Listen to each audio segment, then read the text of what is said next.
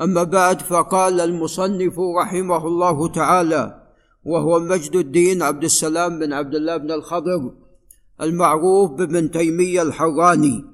قال في كتابه المنتقى وعن أم سلمة رضي الله تعالى عنها وأم سلمة هي هند بنت أبي أمية إحدى زوجات رسول الله صلى الله عليه وسلم. وكانت آخرهم وفاة. لعل الاستاذ أحمد قابيل ينتبه توفيت عام ثنتين وستين. توفيت عام ثنتين وستين وقيل قبل ذلك والأقرب عام ثنتين وستين عام اثنين وستين. قالت أن النبي صلى الله عليه وسلم كان يقول إذا صلى الصبح حين يسلم. اللهم إني أسألك علما نافعا. وهذا يفيد أن ليس كل علم نافع. نعم فهناك من العلوم ما هي مضره قال الله عز وجل وما يعلمان من أحد حتى يقولا إنما نحن فتنة فلا تكفر. وهذا فيما يتعلق بعلم السحر. نعوذ بالله من ذلك. أو علم الموسيقى. نعوذ بالله من ذلك. نعم. فسؤال الله عز وجل العلم النافع هذا مطلوب فليس كل علم نافع. اللهم إني أسألك علما نافعا ورزقا طيبا. وليس كل رزق فهو طيب. قد يكون هذا الرزق من حرام. نعوذ بالله من ذلك. فالرزق الطيب هو الذي يكون حلالا. قال وعملا متقبلا. ليس كل عمل فهو متقبل. نعم. فنسأل الله عز وجل أن يرزقنا وإياكم الأعمال المتقبلة. نسأله عز وجل أن تكون جميع أعمالنا متقبلة. قال رواه أحمد وابن ماجه. ولعل أبو ناصر يعطينا الإسناد. قال وعن أبي أمامة صدي بن عجلان الباهلي رضي الله تعالى عنه وهناك أيضا أبو أمامة آخر وهو الحارثي لعله. فالمشهور من الصحابة أبو أمامة صدي بن عجلان الباهلي وقد توفي في بلاد الشام سنة ست وثمانين فكان من آخر الصحابة في بلاد الشام وفاة. ومن هو يا أبا يحيى؟ آخر الصحابة وفاة. نعم أبو الطفيل عامر بن واثلة أبو الطفيل عامر بن واثلة توفي سنة عشر ومئة. توفي سنة عشر ومئة. عليكم السلام. وكانت وفاته من أعلام نبوة رسول الله صلى الله عليه وسلم. وذلك أنه قال عليه الصلاة والسلام في السنة التي توفي فيها قال لا يبقى على ظهر الأرض أحد ممن هو موجود الآن بعد مئة سنة. هذا في سنة عشرة. فآخر من توفي من الصحابة أبو الطفيل عامر بن واثل الليثي عام عشرة ومئة. نعم. من زعم أنه من الصحابة بعد عشرة ومئة فكلامه ليس بصحيح وزعمه مكذوب. نعم وهناك ترى من ادعى الصحبة بعد سنة عشرة ومئة.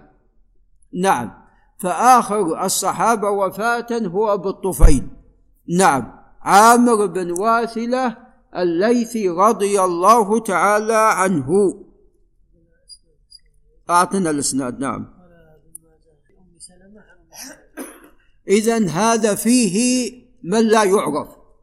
في الإسناد من لا يعرف وهو مولى أم سلمة. نعم. نعم. نعم أعطنا لي لا لا لم يروي البخاري قد يكون في التاريخ الكبير. نعم. فهذا الخبر نعم هذا الذي قبله يا أبو محمد حديث سلمة. إي نعم. ما ليس موجودا في البخاري. هذا خطأ خطأ خطأ. نعم. فهذا الخبر نعم فيه ضعف والله أعلم. نعم.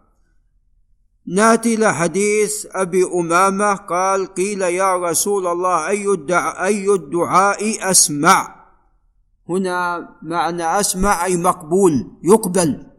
سمع الله لمن حمده أي استجاب الله لمن حمده. قال جوف الليل الآخر. هذا وقت السحر وقت نزول الله عز وجل. من يدعوني فأستجيب له. من يسألني فأعطيه من يستغفرني فأغفر له. هذا في الصحيحين. فربنا عز وجل ينادي عباده حتى يدعوه ويستغفروه. فهذا في هذا الوقت يستجاب الدعاء. وأيضا ودبر الصلوات المكتوبات. أيضا يستجاب فيها الدعاء رواه الترمذي. وأيضا النسائي في عمل اليوم والليلة ولا بأس بإسناده. نعم. وتعلمون أن دبر الصلاة قبل السلام هذا محل لاي شيء؟ للدعاء. هذا محل للدعاء. نعم. ولعل نقف عند هنا. هذا وبالله تعالى التوفيق. اي طبعا أوقات الإجابة كثيرة منها بين الأذان و لا لا دبر الصلاة بارك الله فيك يعني قبل السلام. قبل السلام نعم. نعم بين الأذان والإقامة هذا وقت يستجاب فيه الدعاء وعند النداء وقت يستجاب فيه الدعاء. إي نعم نعم دبر الصلاة قبل السلام. أنس بن مالك ثلاثة وتسعين. و... أي قبل قبل. وقيل غير ذلك. نعم. مئة سنة عمره. أنس بن مالك بارك الله فيك. لا نحوه. نحوه لأن أبا الطفيل عندما توفي الرسول عليه الصلاة والسلام كان عمره نحو ثمان سنوات. أنس عمره عشرين. أي أي. نعم أنس عندما توفي الرسول عليه الصلاة والسلام كان عمره عشرين. لأن لعل ابن يزيد ينتبه لأن خدمه رضي الله عنه خدم الرسول عليه الصلاة والسلام عشر سنوات. وعندما ابتدأ بالخدمة كان عمره عشر سنوات. هذا أنس. نعم.